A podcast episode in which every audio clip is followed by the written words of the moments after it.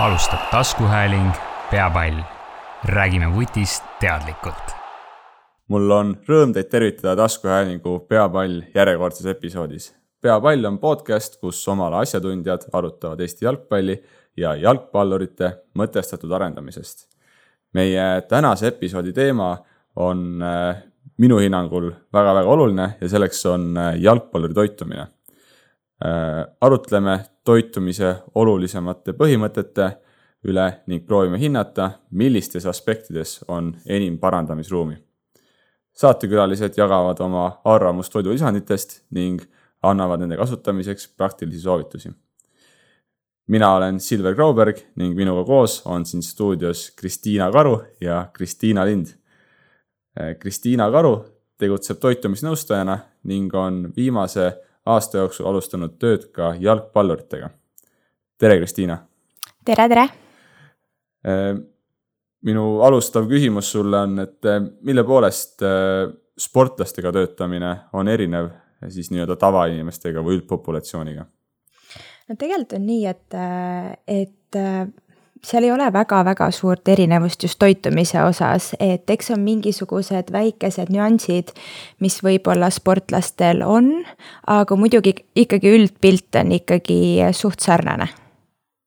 et äh, sisuliselt väga suuri vahesid ei ole, jah? väga suuri vahesid ei ole, jah mm. -hmm. aga kas see nõuab sult nagu ka mingisugust äh, ekstra ettevalmistust või kuidagi nagu teistmoodi, kui sa tead, et sul nüüd tuled siin mõne tippjalgpalluriga äh, tegelema või mõne siis äh, tavapär-, tavalise inimesega? no üldjuhul ma ikkagi võtan iga, igat inimest nii-öelda nullist, et ma mingi väga suurt nii-öelda eelarvamust või mingit valmistust äh, erilisemat ei tee kui, kui mõne teise inimesega, et äh, kõik kulgeb ikkagi jooksvalt. -hmm.. okei. Väga hea. Ja meie teine Kristiina on siis Kristiina Lind, kes on äh, FC Floras esindusmeeskonna füsioterapeut ning selle kõrvalt juhib ta ka klubi meditsiini ja sporditeaduste osakonda. tere, Kristiina! tere ka minu poolt! Äh, kas me üldse peaksime rääkima äh, siin nagu jalgpallurite spetsiifilisest toitumisest või, või on see sinu hinnangul ka selline äh, põhimõtteliselt sama, samad põhimõtted kehtivad seal, mis siis üldpopulatsioonile? Ma arvan, et paljud põhimõtted on tegelikult hästi sarnased, aga kindlasti on mõningast spetsiifikat, et mida me saame välja tuua, mis on jalgpallurite puhul pisut siis erinev. nii, ja mis seal näiteks olla võib? no kõige enam võib-olla see suurem süsivesikute vajadus seoses siis äh, sellega, et oleks piisavalt energiat äh, treeninguteks ja mängudeks ja võib-olla siis ka mõned toidulisandid, mis äh, võivad kasuks tulla sooritusele mm. -hmm. süsivesikute vajadus on siis äh, jalgpalluril kõrgem kui äh, kas muudel spordialadel esindajatel või siis üldpopulatsioonil? Äh, ma võrdleks praegu jah, üldpopulatsiooniga mm. -hmm. jah, teine Kristiina seal noogutas, et kas siis süsivesikute vajadus on see kõige tähtsam või kõige suurem selline erinevus jalgpalluri ja üldpopulatsiooni vahel? no ma arvan, et jah, süsivesik ja valk on võib-olla see, mis on võib-olla kõrgem, see, see on see, ongi seotud sellega, et nende energiavajadus on ka palju suurem nende treeningu tõttu. et, et seda tuleks nagu meeles pidada, aga, aga jah, nii et muud ma ei lisaks mm. -hmm. aga toidulisandid, äh, mis, mis sealt nagu välja tuua? Mis no, need üldse toid... on kõigepealt, võib-olla võiks alustada, et mis asi on toidulisand? no toidulisandite kasutamise eesmärk on ikkagi äh, nii-öelda vajadusel seda tavatoitu täiendada ja äh, pakkuda selliseid vajalikke toitaineid või muid aineid siis. et need võivad olla vitamiini kujul, pulbri kujul, igasugused aminohapped, rasvhapped, supertoidud, eks ole, kapslid et äh, noh, minu seisukoht on, et kui vaadata nii-öelda seda toitumise poolt, siis äh, lihtsalt igaks juhuks mingit äh, toidulisandit otseselt kindlasti võtma ei pea, välja arvatud siis D-vitamiin, mida me lihtsalt par paraku toidust ja, ja Eesti päiksest lihtsalt ei saa nii palju. et ülejäänud võiks ikkagi olla see, et sa analüüsid oma nii-öelda toitumist või lased analüüsida siis ja, ja koormust nii-öelda ja jälgid ka nii-öelda vereanalüüse ja sellelt lähtuvalt siis äh, nii-öelda hinnata, kas on vaja või mitte. ja, ja samuti, kui on tõesti tekkinud selline noh, tugev defitsiit, et siis on see toidulisand nagu kindlasti omal kohal mm. -hmm. nii et D-vitamiin on siis ainukene, äh, mis on nagu nii-öelda sihuke, et äh, peaaegu et kõik peaksid võtma ja sellega ma olen nagu täiesti äh, kindlalt julgen nagu väita seda, et D-vitamiin on selline, mida, mida meil kõigil on nagu vaja. suvekuudel selles mõttes äh, äh, pigem ei pea võtma, veeda aega päikse käes, eks ole, ja, ja ikkagi talvisel perioodil septembrist kuni täitsa sinna maini välja võiks ikkagi D-vitamiin alati kapi serval olla ja, ja seda, ja seda ka võtta mm. -hmm ja, ja ülejäänud on nii-öelda siis äh, individuaalsemad? jah, ma arvan, pigem niisugune, mida vaadatagi nii-öelda taastumise osas, võib-olla vaadata oma toitumist üle, et, et sellised jah, spetsiifilisemad mm. -hmm. ja teine Kristiina ütles meile ennem, et et toidulisa, et seal süsivesikud ja toidulisandid, kas sa mõtlesid sedasama äh, D-vitamiini või sa mõtlesid midagi veel sinna? Ja D-vitamiin on kindlasti see, mida, mis tuleb tegelikult ka nendest vereproovidest välja, et mängijatel tuleb seda juurde võtta. et sellega ma olen täiesti nõus.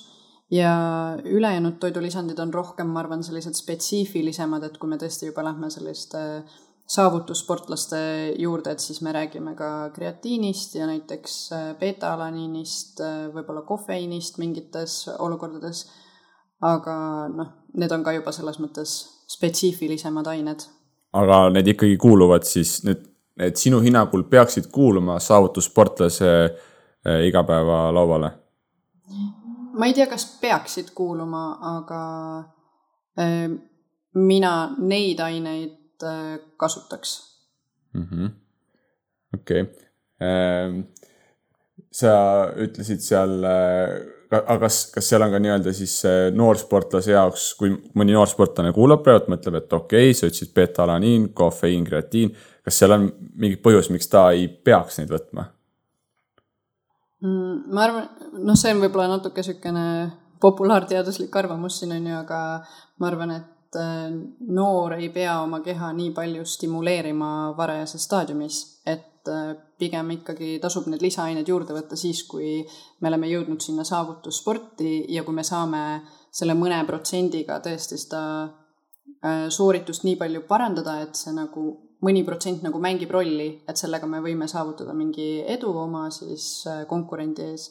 aga ma arvan, noor sportlane võiks kõigepealt ikkagi keskenduda sellele, et tal oleks mitmekesine toitumine paigas ja, ja hiljem siis tuua selliseid nagu lisaaineid juurde et see, sellest me räägime praegu ikkagi nagu saavutusspordi võtmes, mitte, mitte noorte võtmes mm. -hmm.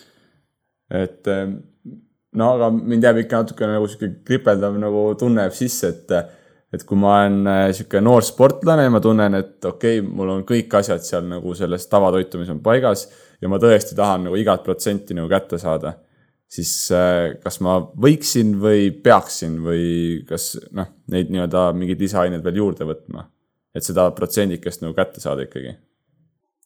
ma võib-olla laseks isegi päris äh, toitumisspetsialistil äh, sellele vastata kaval ma, ma arvan, et seda võiks ikkagi konsulteerida võib-olla rohkem treeneriga. et, et ma arvan, et need ei pea olema seal menüüs, et aga, aga kui võib-olla äh, noh, oleneb, mis vanusest me ka räägime, kofeiini äh, sisaldus ja kõik muu, et, et ikkagi, kui sa oled seal äh, viisteist, kuusteist, siis äh,, siis paljud need äh, igasugused pulbrid ja asjad tegelikult ei olegi väga soovitatud, eks ole. et äh, kaheksateist pluss on pigem see, millele siis nagu noh, millal siis nagu võib nii-öelda midagi sealt võtta neid pulbri kujul aga ikkagi pigem jah, kas siis äh, ikkagi toitumisnõustaja või terapeut vaatab üle selle menüü ja, ja, ja konsulteerib ka treeneriga, et äh,. et lihtsakäeliselt lihtsalt nagu kodus võtma hakata, ma arvan, et ei ole õige mm. -hmm. et see peaks olema siis treeneriga kooskõlastatud, kui midagi nagu nii-öelda spetsiifilisemat juurde hakata võtma, jah? ma usun küll, jah mm. -hmm. aga sa mainisid, noh, mõlemad tegelikult mainisite juba siin seda vereproovi, et äh, kas see on niisugune nagu oluline asi, mida peaks äh, regulaarselt tegema?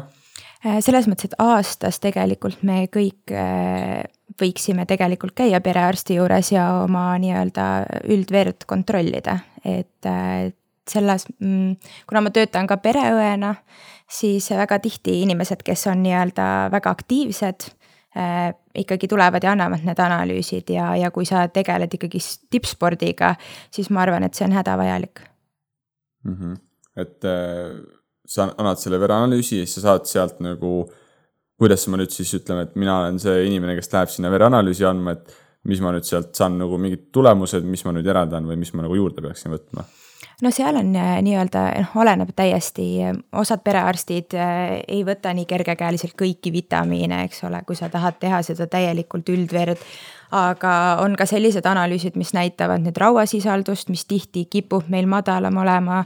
samamoodi see D-vitamiin, sa näed sealt juba, kas sul on see normis, on sul vaja seda kogust suurendada, kas su keha üldse nagu nii-öelda laseb sellel imenduda hästi äh,. igasugused B12 vitamiinid, magneesiumid, kõik sellised, et tegelikult seda kõike annab verepildist võtta ja vaadata, et, et kui tippspordiga tegeleda, siis ma arvan, et, et võiks kogu aeg aastas vähemalt korra kontrollida neid näitajaid.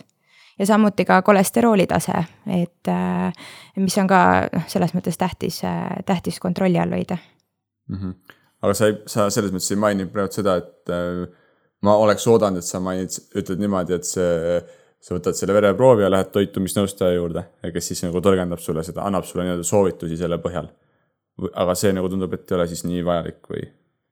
ei, selles mõttes, et see kas sa mõtled selle all, et, et tulla selle vereprooviga toitumis, et ta aitab sind nii-öelda? jah, et sa lähedki vereprooviga toitumisnõustaja juurde, et mis sul nii-öelda perearsti juures on tehtud, et siis tema ja. nagu annab sulle soovitusi. ja toitumisnõustaja annab ja tihti annavad ka perearstikeskuses, kas perearst ise või pereõed, et on väga pädevad neid analüüse tõlgendama, et. et see kindlasti on nihuke hea asi, mida aastas korra vähemalt kontrollida mm. -hmm kohe küsimus siis, kas Flora esindusmeeskonnas äh, käiakse vähemalt aastas vereproovi andmas või kuidas seal teil asi toimib? ja meil aastas korra seda analüüsi tehakse ja see seostub äh, just äh, nagu tervisekontrolliga, ehk siis meil käib see analüüs nagu spordiarsti käest nii-öelda ka läbi, kes siis vaatab selle üle ja, ja annab sealtpoolt nagu enda soovitused et justkui on äh, mingi rauapuudus, kui on äh, D-vitamiin madal. et see, et selliseid näitajaid me jah, aastas korra kindlasti vaatame mm. -hmm. ja ma saan aru, et siis kõigile on ikkagi kogu võistkond nii-öelda tarbib seda kreatiini juurde, betalaniini ja kofeiini siis ka meil ei ole see nagu kohustuslik, meil on niimoodi, et mängijad on informeeritud sellest, et mida nad äh, mis võiks nende ainete tarbimisega paraneda või mis nad võiks sellest saavutada. ja siis on ikkagi iga mängija enda valik see, kas ta võtab seda või mitte. Mm -hmm.. okei. Okay., ja siis on veel nii-öelda ka mingid spetsiifilisemad asjad, mis, äh, mis on siis nagu vereproovi kaudu nagu välja tulnud. Just, just, et äh, kindlasti me ei sööda kõigile sisse mingeid rauatablette ja vitamiine, et, äh, et see pool peaks nüüd tulema selle vereanalüüsi põhjal ja siis on need äh, lisaained, mida on võimalik siis võtta juurde mm. -hmm. väga hea, äh, tuleme korra sellest väga sellisest nagu spetsiifilisest nišist nagu tagasi sellise üldise asja juurde, et äh, äh, siin mainiti juba korra ka seda üldist energiavajadust, et mis siis on nagu sportlastel kõrgem kui üldpopulatsioonil äh,. siis mul tekkis sihuke mõte, et äh, lõppude lõpuks kui me, kui me sööme midagi, üldse toitumisest räägime, siis selle nagu peamine eesmärk on ju katta meie energiavajadust. ja kui me räägime nüüd siin sellisest tervislikust toitumisest, siis kõik kujutavad kohe ette, et see on mingi kirju salatitaldrik ja äh, kõik sellised nii-öelda üldlevinud kontseptsiooni kohaselt, mis on nagu see tervislik, seal mingi täisterariis ja lõhe ja mis iganes, et aga kas on üldse vahet, et äh, kust see kalor tuleb. et kui meie eesmärk on katta seda energiavajadust, siis kas on vahet, kas ma saan selle äh, süsivesikut saan ma sealt kartulist või saan kummikommist? et äh, noh, kindlasti on selles mõttes ikkagi vahe sees, et, et mida sa sööd, et, et, et üks asi on see energiavajadus, et katta see, eks ole. teine on see, et mis sa sealt siis sellest kindlast toidust saad. Et saad sa energiat ja, ja selles mõttes nendest tervislikemast valikutest sa saad ikkagi suurel hulgal vitamiine, äh, erinevaid mineraalaineid kummikommist sa saad äh, lihtsalt lihtsuhkrut, eks ole, erinevaid säilitusaineid äh,, igasuguseid äh, noh, mingid muud niisuguseid aineid, mida sa võib-olla su keha igapäevaselt tegelikult ei vaja. et mulle hästi meeldis selline näide, mis toodi vormelauto ja tippsportlase vahel. et, äh, et kui sul on niisugune vinge F1 auto, eks ole, et siis sa ikkagi ei raatsi ega taha panna sinna sellist äh, odavat kütust. et sama me võiks tegelikult mõelda oma kehaga, et, äh, et anda ikkagi selle kütust toidu näol siis äh, piisavalt efektiivsena. et, äh, et minu vastus jah, et kindlasti oleneb see, et, et mida sa ikkagi energiavajaduse all mõtled ja ikkagi anda selles mõttes maksimum selle mm. -hmm. aga ma saan aru, et seal on ikkagi vahe on siis selles vitamiinides ja mineraalainetes mis nagu kaasnevad nende kaloritega. ja selles mõttes sa saad lihtsalt oma kehale pakkuda väga palju enamat, kui sa võtad selle tervislikuma valiku. jah, aga see enam, jah, see enamat, sa mõtled selle all ju vitamiinid ja mineraalained. jah, täpselt nii, jah mm -hmm.. et okei okay., aga kui mu kaloraaž näiteks on piisavalt kõrge, et eh, ma katan, no isegi pean nagu toitumispäevikut eh, ja ma näen sealt nagu ära, et eh, ma katan nii-öelda oma vitamiinid ja mineraalid nagu kõik ära, mis on vajalikus koguses ja mul jääb sealt nagu kalorid üle. kas sellisel juhul äh, ma peaksin ikkagi valima selle tervislikuma variandi, kus ma saan nagu veel ekstra vitamiine ja mineraalaineid või siis ei ole enam nagu otseselt vahet? No ma arvan seda, et toitumine ei pea olema nagu sada protsenti tervislik, et sa ei pea kogu aeg näpuga järge ajama. kui sa annad kaheksakümmend protsenti endale ikkagi äh, tervislikku igasugust, äh, ongi erinevaid salateid kala, kana, igasugust sellist asja, siis see kakskümmend protsenti sa võid endale lubada asju, mis, mis sulle võib-olla rohkem maitsevad. et selline tasakaal on, mina arvan, see võti just mm. -hmm okei okay., ähm, see jah, teine Kristina ka meil noogutas selle tasakaalu peale, aga mul tuli meelde üks äh, treener, kes ütles, et äh, talle ei meeldi, kui ta mängijad söövad äh, pitsat. et Kristiina, kui sa Flora esindusmeeskonna mängijatega lähete poodi näiteks, keegi ostab pitsat, kuidas sa sellele vaatad siis, kas see on see kakskümmend protsenti või see on see kaheksakümmend protsenti? Noh, selles mõttes ma olen nõus, et tasakaal on lõpuks ikkagi see võti, on ju et kui pärast mängu mängija võtab selle, noh, oleneb ka, on ju, et kas me räägime siin tervest suurest pitsast, paarist lõigust, et mis see kogus on, aga et kui mängija võtab pärast mängu paar lõiku pitsat, ta saab sealt kohe endale mingisuguse energia tagasi siis seal süsivesikute, rasva ja valkude näol, et mis iganes tasakaalus need siis omavahel on. et ta saab oma energia sealt tagasi, siis ma sellel hetkel ei vaata sellele viltu, aga kui ma tean, et see mängija sõi nagu hommikusöögiks pitsat, lõunaks pitsat, äh, enne mängu pitsat ja siis pärast mängu võtab äh, paar lõiku pitsat, siis, äh, siis see on siiski probleem. Hmm.. aga mis pitsa juures probleem on?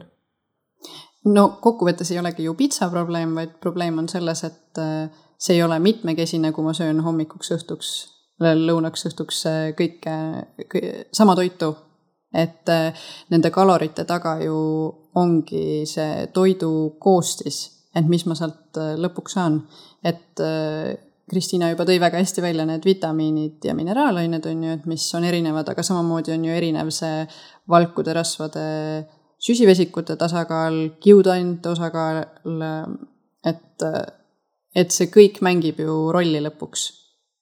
et ei ole halb üks mingi konkreetne toit või toiduaine, vaid äh, see, kui me ei paku oma kehale mitmekesisust ja ei anna talle kõiki neid aineid, mida ta vajab mm. -hmm. mis seal, ütleme, võtame konkreetse pitsa näite siis, mis, mis seal nii-öelda nagu äh, seda balanssi nii-öelda nagu valeks ajab, et mis see, mille osakaal seal siis nagu võib liiga kõrge olla või liiga madal?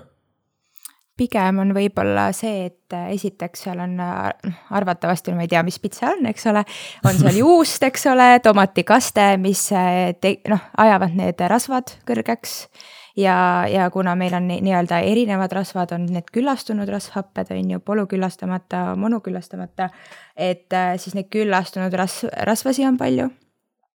kindlasti oleneb, millest see küll tehtud on, aga nii-öelda nisujahu, mis võib olla ka äh, pidurdab võib-olla seda ainevahetust, et noh, see täiesti oleneb, et, äh, et, et jah, ja võib-olla see valgusisaldus, mis sportlasel võiks olla seal kõrgemas protsendis, jääb ka seal pitsal nagu tahaplaanile mm. -hmm. ehk siis seal on äh, kõrge rasvasisaldus põhiliselt no üldjuhul jah, see tuleb ikkagi sellest rohkest juustust, eks ole, ja nendest mm -hmm. kasmetest, mis seal peal on, pluss siis muud lisandid mm, -hmm. et äh, jah. ja tavaliselt nisujahu, ma saan aru, et äh, on siis? no nad paraku seal poes või kuskil ikkagi müüvad nende nisujahudega, jah mm. -hmm. aga kui nüüd äh, läheb seesama Flora esinduse mängija poodi ja äh, tuleb äh,, küsib, et aga mis ma nüüd ostma peaksin siis? mis ta mm -hmm. peaks pärast mängu ostma? No selles mõttes, eks see on niisugune kiire, kiire, mida haarata, eks ole, see pitsa ja, ja lõhnad ja kõik, eks ole. aga ma arvan, et, et see võiks ikkagi olla kas siis äh, mingi vrapp näiteks äh,. võib, on seal siis äh, mingid puuviljad, banaan näiteks, mingid pähklid erinevad batoonikesed, smuutid, et niisugune kerge, kiire amps ja siis äh, nii-öelda kas koju minnes või, äh, või noh, kui välja sööma minnes, siis võtta niisugune nii-öelda suurem toidukord. aga mängu lõpp äh,, no tavaline nii-öelda olukord, mis tekib, on see, et äh, ma ei tea, a la Narvas on mäng äh, äh mäng lõpeb, on see siis noortemäng või isegi ka premium-liiga tasemel ei ole seal nagu sellist söömist nagu korralikku äh, organiseeritud, siis lähevad kõik nagu superkeskuse äh,, suurde poodi siis ja oled seal Rimis, mis sa siis nüüd ostma peaksid pärast mängu? no ma arvangi, et see võikski selles mõttes nagu ennem Kristiina ütles ka, et, et isegi kui ta selle pitsatüki haarab, eks ole, et see ei ole niisugune maailma lõpp, et, et tähtis on see, et, et enne seda ta on saanud nii-öelda äh, nii-öelda tervisliku ja mitmekesise toidu äh, noh, ära söödud, et äh,, et isegi kui ta seda esimesena valib, aga minu ees, mina ikkagi arvan, et võiks olla mingi kas vrapilaadne või ikkagi mingisugused niisugused vahepalad, banaanid, pähklid, toorbatoonid, sellised. et võib-olla Kristiinal on mingi hea veel mingi näide, mida võtta, aga, aga jah no ma arvan, et see supermarketi toit äh, pärast mängu, ütleme nii, et ta ei ole nagu võib-olla ideaalne, aga ta ei ole ka selles suhtes kriminaalne, et äh, kokkuvõttes, kui sa võtad sealt midagi, mis sa sellel hetkel sööd ära, mis täidab su kõhtu ja millest sa saad kätte oma need kalorid, siis see on see hetk, kus võib-olla rõhuda sellele, et ma saan kätte oma kalorid ja pole nii tähtis see, et äh, mis see muu taust on seal toidul. et äh, mina otseselt viltu ei vaata sellele, mis mängijad seal pärast mängu ostavad, aga tähtis olekski see, et nad ise saaksid aru, et see on nii-öelda see erandlik moment, kus me kasutamegi ära siis selle kakskümmend protsenti, kus me võime süüa enam-vähem ükskõik mida, aga et see ei ole nagu igapäevaselt ja kogu aeg niimoodi mm. -hmm. aga mis nüüd siis, äh, kui sa praktikat vaatad, mis, mis sinna korvikasse tavaliselt siis maandub? No tegelikult poisid päris palju ostavad näiteks soojatoiduletist midagi, et kas seal mingi kana, võib-olla seal on mingisugust ka pastat mõnikord, et äh, pigem nagu tundub, et neil on isu selle soolase toidu järele ähm,. alati ei ole seda sooja toitu võib-olla seal saadaval, aga noh, suurem osa tegelikult siirdub selle soojatoiduleti juurde äh,. kui pitsa on saadaval, siis tehakse ka seda valikut äh, ja mõnikord lähevad sealt ka mingid, ütleme, salatid või wrap'id või no väga palju oleneb, mis poes äh, üldse sellel hetkel saada on. ja noh, loomulikult on seal ka neid äh, võib-olla lihtsamaid ähm, valikuid, et kellel üldse ei ole veel see kõht tühjaks läinud, et võtabki mingid juustupulgad, mingisugused lihasnäkid hoopis, äh, võib-olla võtabki mingit äh, äh, väikse puuvilja, mingi äh, joogi äh,. et ka näiteks ütleme, šokolaadipiim pärast mängu oleks minu arust päris okei okay asi, mida sealt riiulist haarata, kui sa saad kätte oma süsivesikut, sa saad sealt äh, ka valku ja saad ka vedelikku. et äh, täitsa lampi nüüd tõin selle siia muu jutu sisse, aga et, et võib-olla see oleks ka täitsa niisugune hea valik, mida sealt teha mm. -hmm. Ehk siis äh, ma saan aru, et see võib olla siis nii-öelda see kakskümmend protsenti, kus sa nii, nii detailselt ei pea nagu läbi mõtlema ja pigem siis nagu vaadata, et sa saad piisavalt palju kaloreid äh, kätte. ideaalis siis võiks olla see süsivesikud eeskätt ja sain aru ka, et äh, valku nagu võiks mõelda, et oleks nagu selles toidus sees. jah. just nii. täpselt nii väga hea äh,. okei okay., aga lähme natukene veel selle mängupäeva juurde, et äh, see on alati sihuke tähtis päev äh, jalgpallurite jaoks, et äh, kas selle jaoks peaks kuidagi eraldi valmistuma, kas sel päeval peaks kuidagi nagu eraldi toituma kuidas teie hinnangud on, et kuidas, kas see mängupäev üldse peaks kuidagi erinema meie tavalistest päevadest toitumise osas? No tegelikult on niimoodi, et see eeltöö nii-öelda, see noh, võistluseelne või võistlusperioodi, see, et see ikkagi võiks tegelikult alguse saada nendest igapäevastest toiduvalikutest, et tagada just nagu pikaajaliselt omal need vajalikud toitained ja see võistluspäeva eelne ja võistluspäevane nii-öelda noh nendel, siis me juba tegeleme detailidega, eks ole. Et tegelikult kuskil, noh, mina soovitan niisugune kakskümmend neli tundi enne võistlusi ikkagi vältida selliseid väga rasvarikkaid toitusid äh, noh, sinna hulka siis ma mõtlengi võib-olla niisuguseid pirukaid ja pitsasid ja selliseid poolfabrikaate ja kui on kindlasti, kui on näiteks sportlasel mingid kindlad toiduained, mida ta ei talu või tal on mingi tundlikkus, siis neid sinna kahekümne nelja tunni sisse mitte tuua. Et enne võistlusi vältida. Ja kui on väga sellised tundliku seedesüsteemiga sportlased, et võiksid siis päev enne võistlusi vältida ka sellist väga kiudainete rikast toitu. Et need võivad ka tekitada igasuguseid kõhuprobleeme, kõhuvalusid, gaase, kõhukrampe, et ongi näiteks niisugused puuviljad, köögiviljad just värskel kujul ja, ja võistluspäeval võib-olla siis kindlasti vältida selliseid väga gaasilisi jooke, mis võivad ka sellist ebamugavust äh, kõhtu nii-öelda tuua.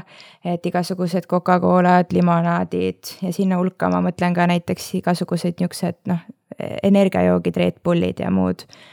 ja et kindlasti see toit aeglaselt nii-öelda ära süüa, eks ole, mitte noh, igat seda toidukorda rahmida sisse mm. -hmm. ja, ja samuti äh, võiks niisugused maiustused olla sellel päeval nii-öelda menüüst väljas ja ja öeldakse, et ka selline ksülitool ja sorbitool, mis on nätsukummides, äh, pastillides, et need ka võivad tekitada probleeme siis, kui äh, noh, võistluste ajal et see on niisugune minu üldsoovitus, et mida võib-olla nagu jälgida, aga hästi palju peaks oma keha ikkagi kuulama ja analüüsima, et, et kui ikkagi midagi on, mis tihtipeale tekitab mingit äh, ebamugavustunnet kõhus, siis, äh, siis pigem seda ikkagi võistluspäeval kindlasti vältida mm. -hmm. aga kui ma söön näiteks tavaliselt täisterapastat, äh, kas mängupäeva eelselt ma siis peaksin sööma nii-öelda tavalist pastat või?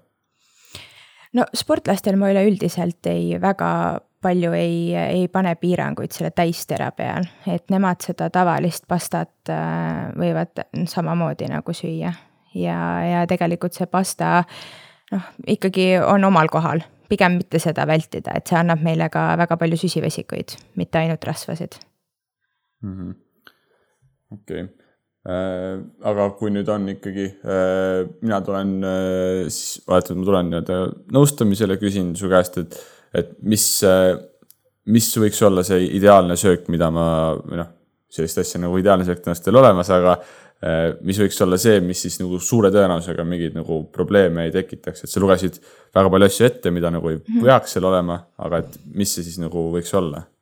ma arvan, et näiteks üks väga hea variant on hommikul pudru et äh, tehagi neljaviljapudru, noh, mis iganes siis maitseb, eks ole, marjade, panna sinna pähklid, maapähkli või tumedat šokolaadi kasvõi ja, ja võib-olla niisugune, kui on see mäng peale lõunat, siis see võibki olla näiteks tegelikult mingi pasta variant.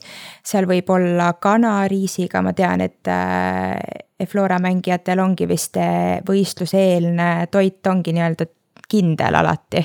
et on kana, eks ole, riis ja seal on vist pasta mingi variant ka või mingi spagetid või midagi ja salat, eks ole. et äh, et jah, need oleks niisugused, millele võib-olla noh, rõhku panna rohkem mm -hmm..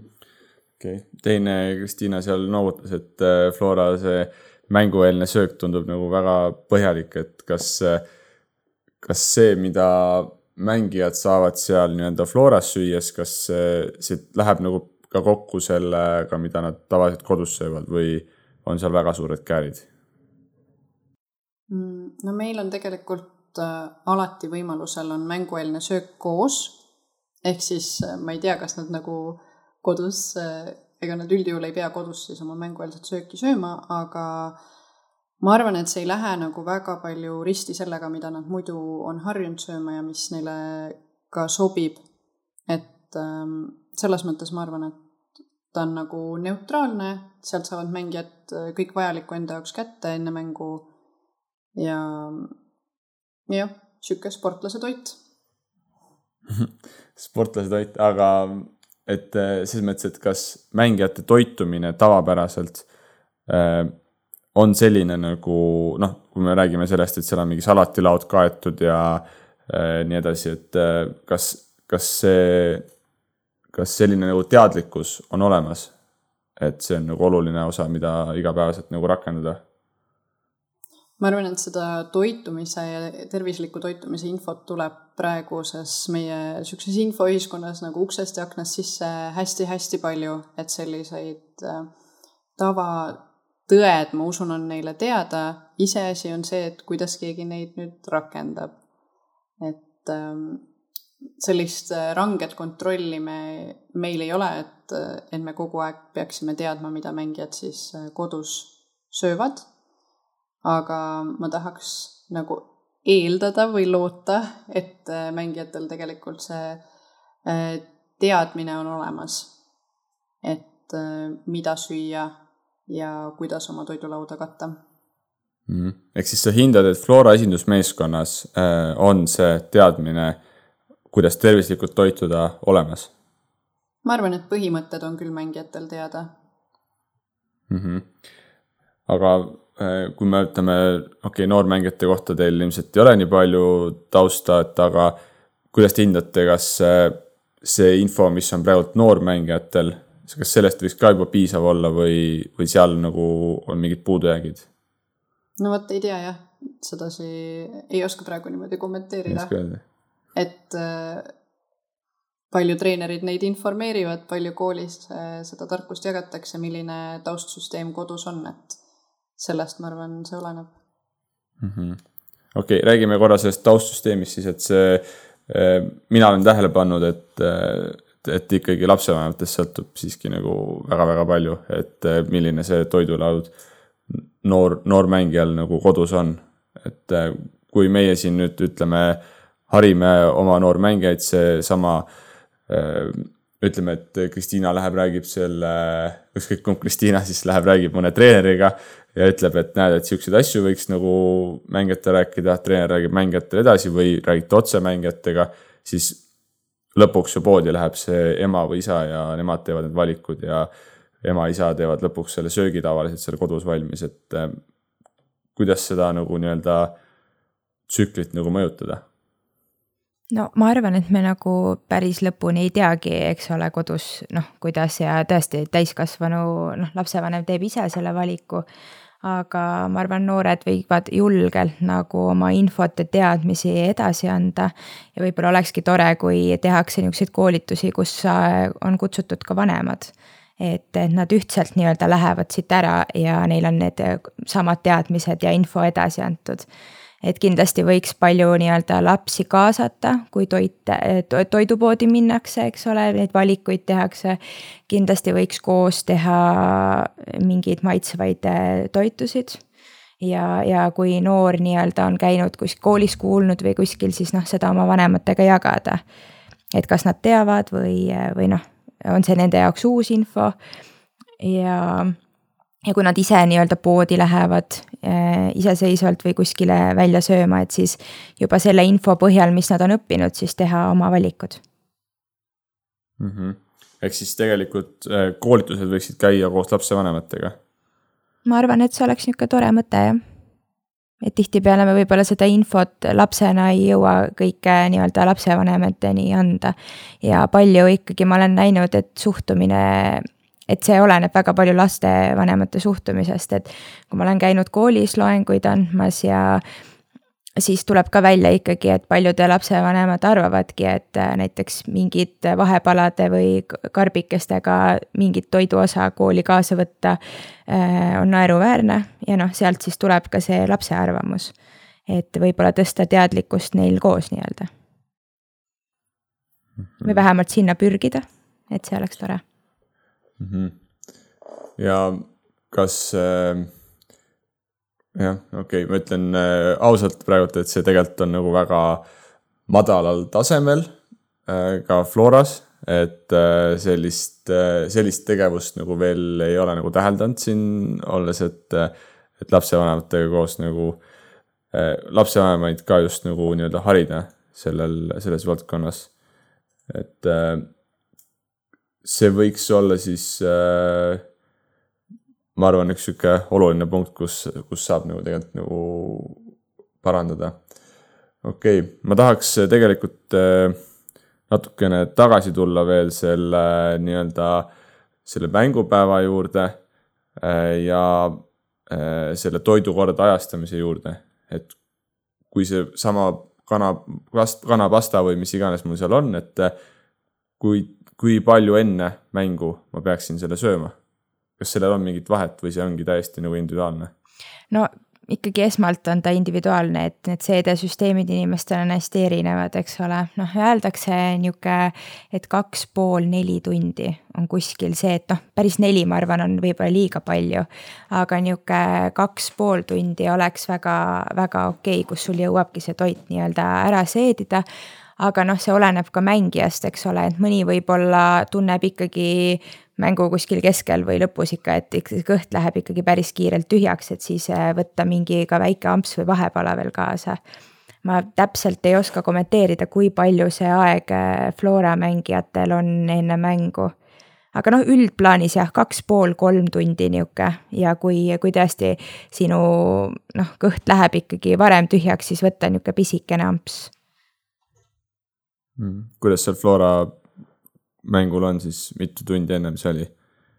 meie sööme kolm tundi enne mängu, aga jah, ma arvan, noorte seas on see üks selline hea koht, kus äh, oma keha hästi tundma õppida, et äh, jälgidagi, mitu tundi enne ma söön, kuidas ma ennast pärast seda tunnen, kuidas ma ennast tunnen seal soojendusel mängu alguses, kui kaua mul on äh, nagu hea tunne ja siis täpselt, millal siis äh, võtta see vahepala veel lisaks. et äh, kindlasti, kui see ei ole nagu meeskonna poolt kuidagi ette määratud, mis kell sa pead sööma, siis see on hea võimalus nagu enda tundmaõppimiseks mm. -hmm okei okay,, ehk siis äh, soovitadki nagu proovida, et milline see meetod isiklikult nagu sobib, et mis see ajavahemik peaks olema, jah? just, ma arvan, see kaks-kolm tundi või siis ka neli tundi, et see on hea selline orientiir, kust nagu pihta hakata aga kokkuvõttes peab jah jälgima, et mis, kuidas sinu keha reageerib, kui palju sa mhm. saad süüa ja millal sa saad süüa mm. -hmm. aga pärast trenni, pärast mängu, kas seal on ka nagu ajastusel midagi, mingi roll või, või mingi tähtsus?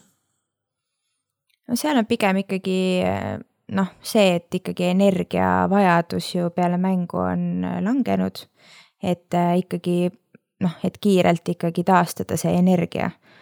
et ma tean lihtsalt, et paljudel, kui pärast intensiivset mingit treeningut või mängu lihtsalt koheselt ei ole noh, kõht nii tühi.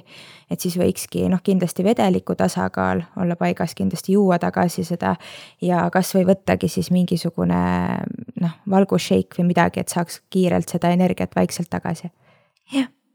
ahah, äh, noh korra puudutasid nüüd seda jookide teemat ka, et et see on siis mingi asi, mida sa soovitaksid võib-olla pärast äh, trenni ja kui oletame isegi, et noh, noh, profimängija, et väga vähe meil on, et kes saavad kohe niimoodi pärast äh, trenni nagu süüa.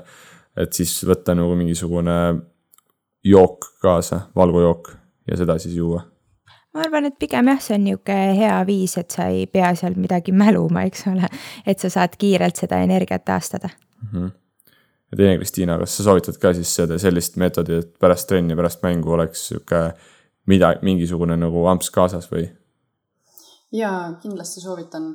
ma just mõtlen siin praegu omaette, et ähm, võib-olla see info on nagu tänaseks juba nagu uuenenud ka, aga vähemalt mingil hetkel mina teadsin seda selliselt, et äh, poole tunni jooksul pärast mängu peaks siis niisuguse esimese ampsu võtma, et taastumine saaks siis äh, nagu pihta hakata ja siis kahe tunni jooksul võiks tulla selline äh, korralikum söök et äh, võib-olla see tänapäevaks on juba nagu kuidagi ümber lükatud ka, et ei ole nii suurt tähtsust sellel ajastusel.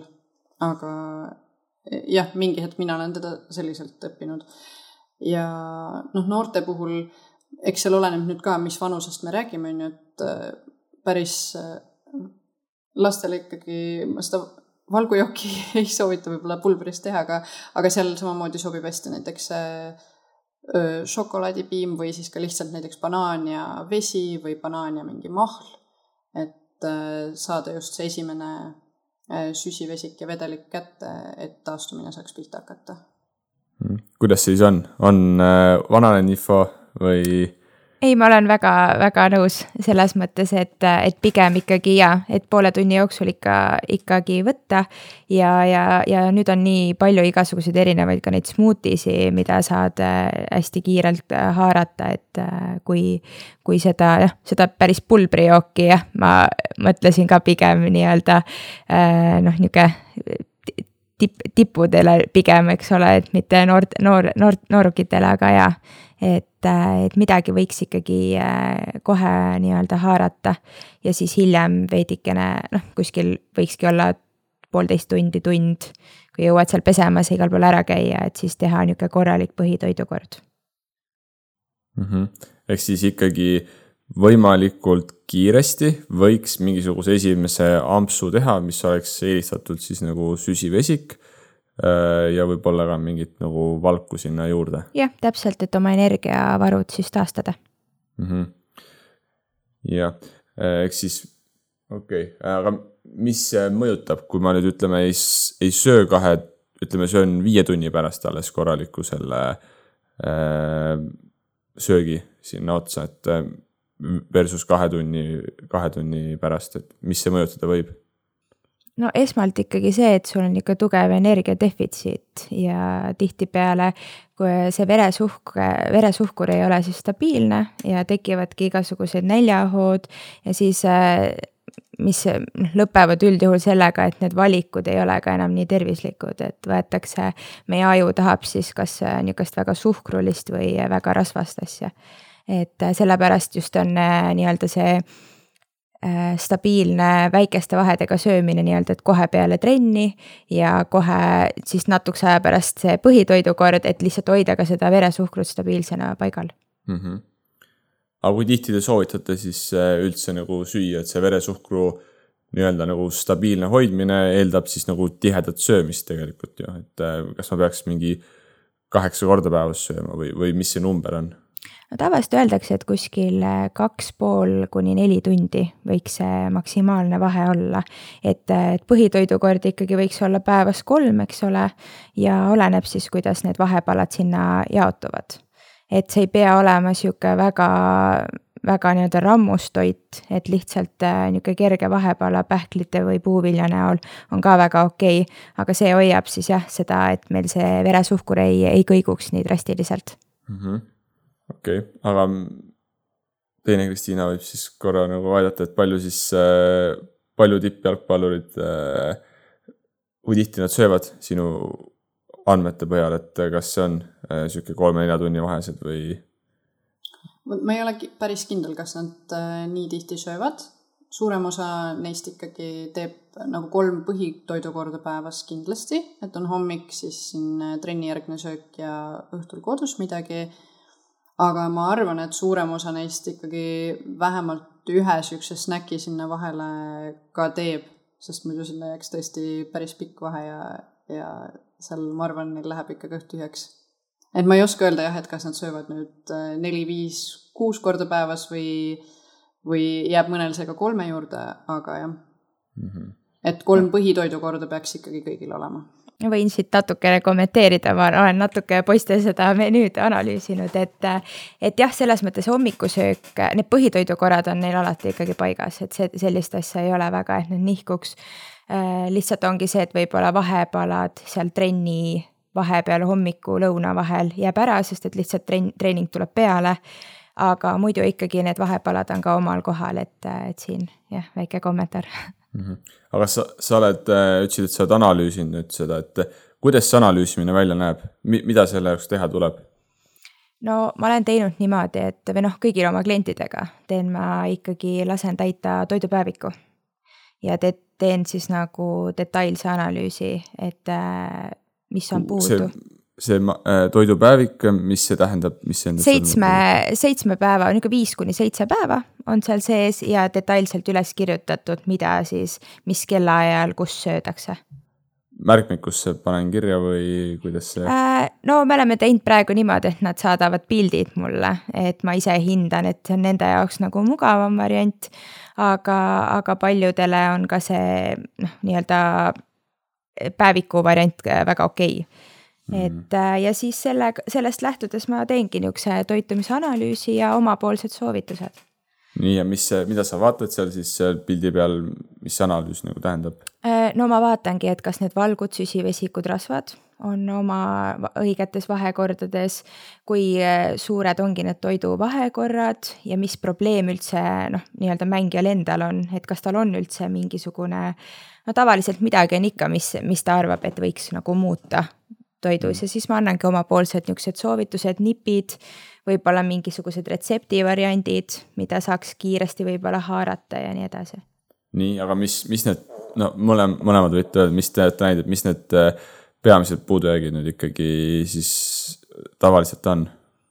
no üldjuhul ikkagi see noh, sportlastel ma ei saa nagu välja tuua, et äh, oleneb täiesti inimesest, aga üldjuhul ikkagi see toidu vahekordade, see kipub minema vahepeal liiga pikaks. ja, ja kompenseeritakse siis hiljem seda võib-olla mingisuguse sellise võib-olla mitte nii toitainerikka äh, valikuga, et äh, kas mingi maiustus või, või muu. või mingi krõps või mingi sihuke, aga see on nagu mitte ainult sportlastel, vaid ka nagu üldpopulatsiooni inimestel, et et liiga harva söövad põhimõtteliselt? jah, pigem jäetakse liiga suured vahed ja siis äh, tekibki see energiadefitsiit, kus sa siis võib-olla istudki, võib-olla tuleb tuttav, et päeva jooksul ei jõua üldse süüa, eks ole, lõpuks istud siis maha ja ei suuda lõpetada söömist mm. -hmm. et, äh, et see on niisugune nagu niisugune põhiline asi, mida ma olen nagu märganud üleüldiselt nagu inimeste toitumises et kui sa ikkagi väikeste, väiksed vahepalad teed, siis üldjuhul sa teed äh, õhtul ka paremaid valikuid mm nii, ja teine Kristiina, mis sina oled märganud, mis neil, mis on need puudujäägid? see nüüd ka kindlasti ei ole üldistatav kõigile mängijatele või sportlastele, aga mis ma olen märganud, on see, et mitmetel jääb ka tegelikult nendest kaloritest puudu või et jääb nagu seda energiat puudu, et nad peavad lihtsalt ka rohkem sööma. või siis noh, aitamagi kaasa kas mingi taastumisjoogiga, et saada sealt neid lisakaloreid, et äh, joogina on sageli lihtsam neid kaloreid tarbida lihtsalt. et ähm, jah, see oleks praegu see põhiline, mis ma tooks välja mm. -hmm. ehk siis kaloraaž, äh, et nad ei saa piisavalt kätte kaloreid, jah? just mm. -hmm. et no see võib olla omavahel seotud ka, et kui sa tihedamalt sööd, siis võib-olla, võib-olla suudad ka rohkem nagu tarbida kokkuvõttes mm. -hmm. Mm -hmm mul on toi... laste koha pealt või noh, niisugustel noorukitel on ka see, et väga palju tarbitakse neid äh, igasuguseid karastusjooke. et see on nagu päris suur probleem nagu, mida, mida kindlasti noh, millega tegeleda nagu et äh, tihti joodakse sisse, nad noh, ei, ei mõtle ega ei tunne ju, et kõht nii hullult täis, nad joovad seda juba nagu vee asendajana ja, ja see tõstab väga palju sellist rasvumust lastel. noh, võib-olla kui sa kogu aeg siin jalgpalli mängid ja trenni teed, siis seda nagu nii hullult näha ei ole, aga muidu need karastusjoogid on jah, selline äh, teema, mis äh,, mis vajab nagu tegelemist mm.. samas, kui ma olen jalgpallur, siis ennem rääkisite, et äh, süsivesikuid on oluliselt rohkem vaja kui üldpopulatsioonil ja karastusjoogid ju väga palju süsivesikuid sisaldavad, siis võiks just nagu olla ju ideaaltoit mulle, ideaalasi mulle. no kui sa noh, selles mõttes ma, ma ei taha nagu öelda, et ükski toit on nihuke, et ei tohi süüa, ei tohi juua äh,, mis on halb või hea. et äh, tihtipeale need karastusjoogid, jah, nad annavad sulle lisa, kui sa ei jõuagi süüa terve päev oma seda kaloraaži täis, eks ole. Aga, aga kui sa ikkagi neid vahepalasi seal kasutad, siis äh, sa neid magustatud jooke väga palju ei pea jooma ja see nii-öelda see üks vahe on süsivesikud, teine on lihtsuhkrud. et süsivesikud on need, mis tulevad sul puuviljadest ja kõigest muust see lihtsuhkrud on kõik maiustused ja ongi karastusjoogid, mis tegelikult meile energiat ei anna et, äh, et selles mõttes seal on ka nagu oma vahe, mängib rolli nagu. Oota, et need, äh, mis ma saan siis maiustustest ja karastusjookidest, need suhkrud sealt mulle energiat ei anna? seal on nagu noh, niisuguse jah, seal on selles mõttes need lihtsuhkrud, mis tõstavad su seda veresuhkrut väga kõrgele ja, ja langetavad drastiliselt, mis tekitab sellise nõiaringi, et sa kogu aeg tahadki neid maiustusi süüa. et, et pigem ikkagi äh, saada neid süsivesikuid puuviljadest ja, ja igasugusest äh, teraviljadest täis, mitte lihtsalt karboniseeritud jookidest mm. -hmm okei okay., aga teraviljade vahel, kui ma nüüd valin, kas ma peaksin valima võimalusel täisteratooted või ei ole seal vahet? kui me võtame näiteks niisugused, näiteks riis, eks ole, ja noh, sportlastel üleüldiselt äh, pigem, pigem erilist vahet ei ole et sa võid äh, süüa nii täistera kui äh, äh, tavalist, sest et äh, see pikas nagu plaanis ei muuda väga midagi mm. kiudainete vahe on seal minu teada, et see. kiudainete siis... vahe küll ja, aga selles mõttes, et kas sa pigem ei taha üldse seda pruuni riisi, eks ole, või sa võtad ikkagi riisi, et siis on juba see koht nagu mm. -hmm. Mm -hmm. et paljudel on sellega nagu, et neile lihtsalt ei maitse need täisteratooted ja, ja tänu sellele nad ka siis ei söö neid. Et pigem sa võta ikkagi see tavaline riis või tavaline pasta, aga sa ikkagi täidad oma selle toidukorra sellega mm -hmm.. okei okay., äh, ma lõpetuseks veel äh, noh, sa oled, oled siin nagu väga kogenud äh, toitumisnõustaja, siis ilmselgelt sa vaatad pildile peale, ütled ära, et palju seal nagu neid rasvu, süsiühikut, tasakaal juba on aga kuidas mina nagu võhikuna nii-öelda toitumises, kui ma tahan neid asju nagu parandada ja jälgida, kuidas ma seda teha saan? no esmalt ma arvan, et kõige tähtsam on ikkagi äh, see taldriku reegel, millest on tavalisel inimesel kõige lihtsam nii-öelda lähtuda. et kui sa võtad endale taldriku, siis pool sellest võiks olla kaetud köögiviljadega veerand sellest võiks olla valguline komponent ehk siis äh, soovitatavalt kana, kala ja, ja kui sul on, oledki vegan, siis näiteks tofu, eks ole, kaunviljad, kust sa saad valku. ja, ja veerand siis sellest võiks olla selline äh, kiudaine ehk siis kas ongi tatar, riis, sinna võib ka äh, kartul võib juurde äh, või siis näiteks paar viilu sepikut, leiba et see on niisugune nagu kõige lihtsam algus, kus, kus teha, eks ole, kus alustada nii-öelda.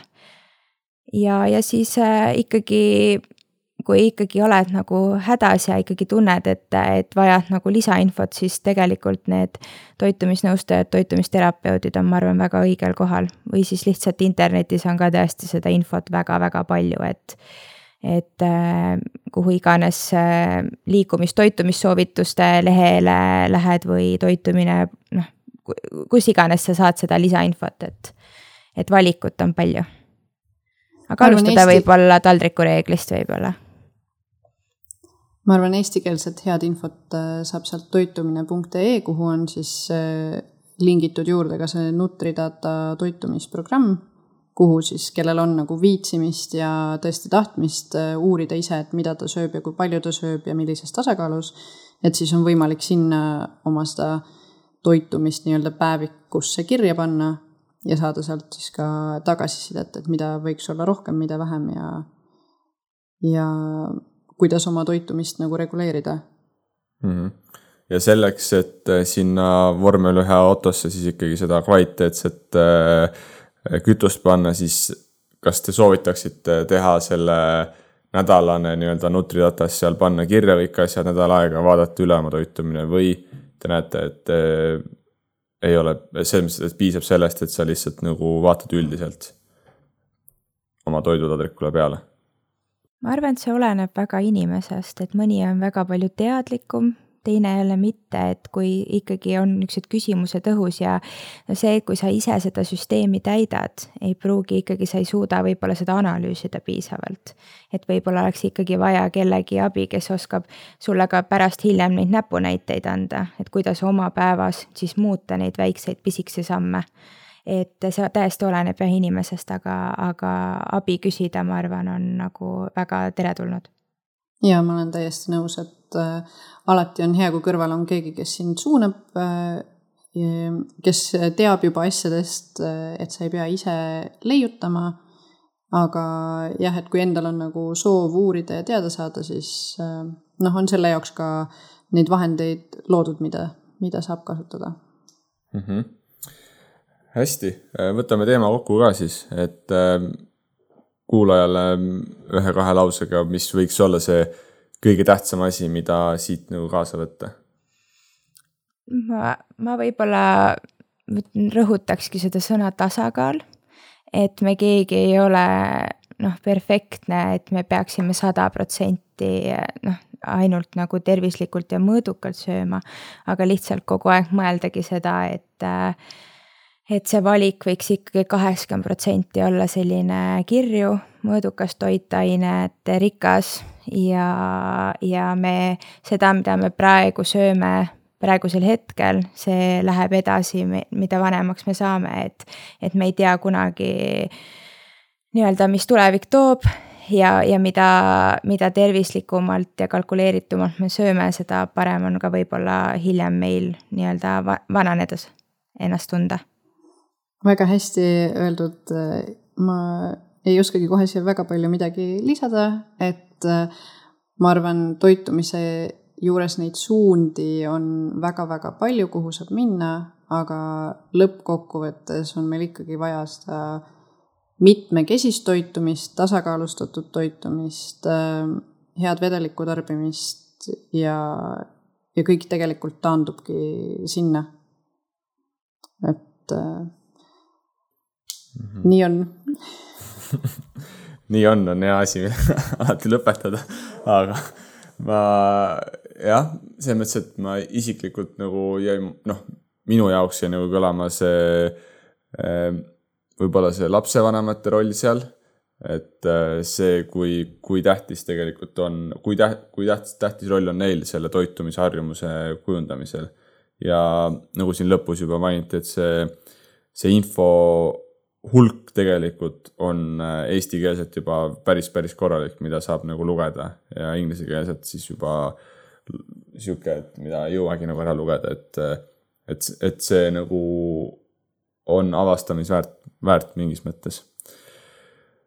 ma tahaks siia veel kiiresti lisada seda, et, et meil kindlasti on äh, ka hästi palju neid tead-, neid teadlikke ja tublisid lapsevanemaid, kes äh, pigem näevad vaeva sellega, et äh, lapsed neid kuulda võtaks ja, ja lähtuks nende soovitustest, et siis äh, mõnikord on ka sedapidi väga hea, et kui laps saab kuskilt spetsialisti käest ka kuulda seda, mida lapsevanem talle juba räägib, et mm., et siis võib-olla see kindlamini omaks võtta mm. -hmm. Mm -hmm. väga hea, selline meie episood jalgpalli toitumisest oligi. väga suured tänud saatekülalistele ja muidugi kõikidele kuulajatele. Kohtumiseni järgmises episoodis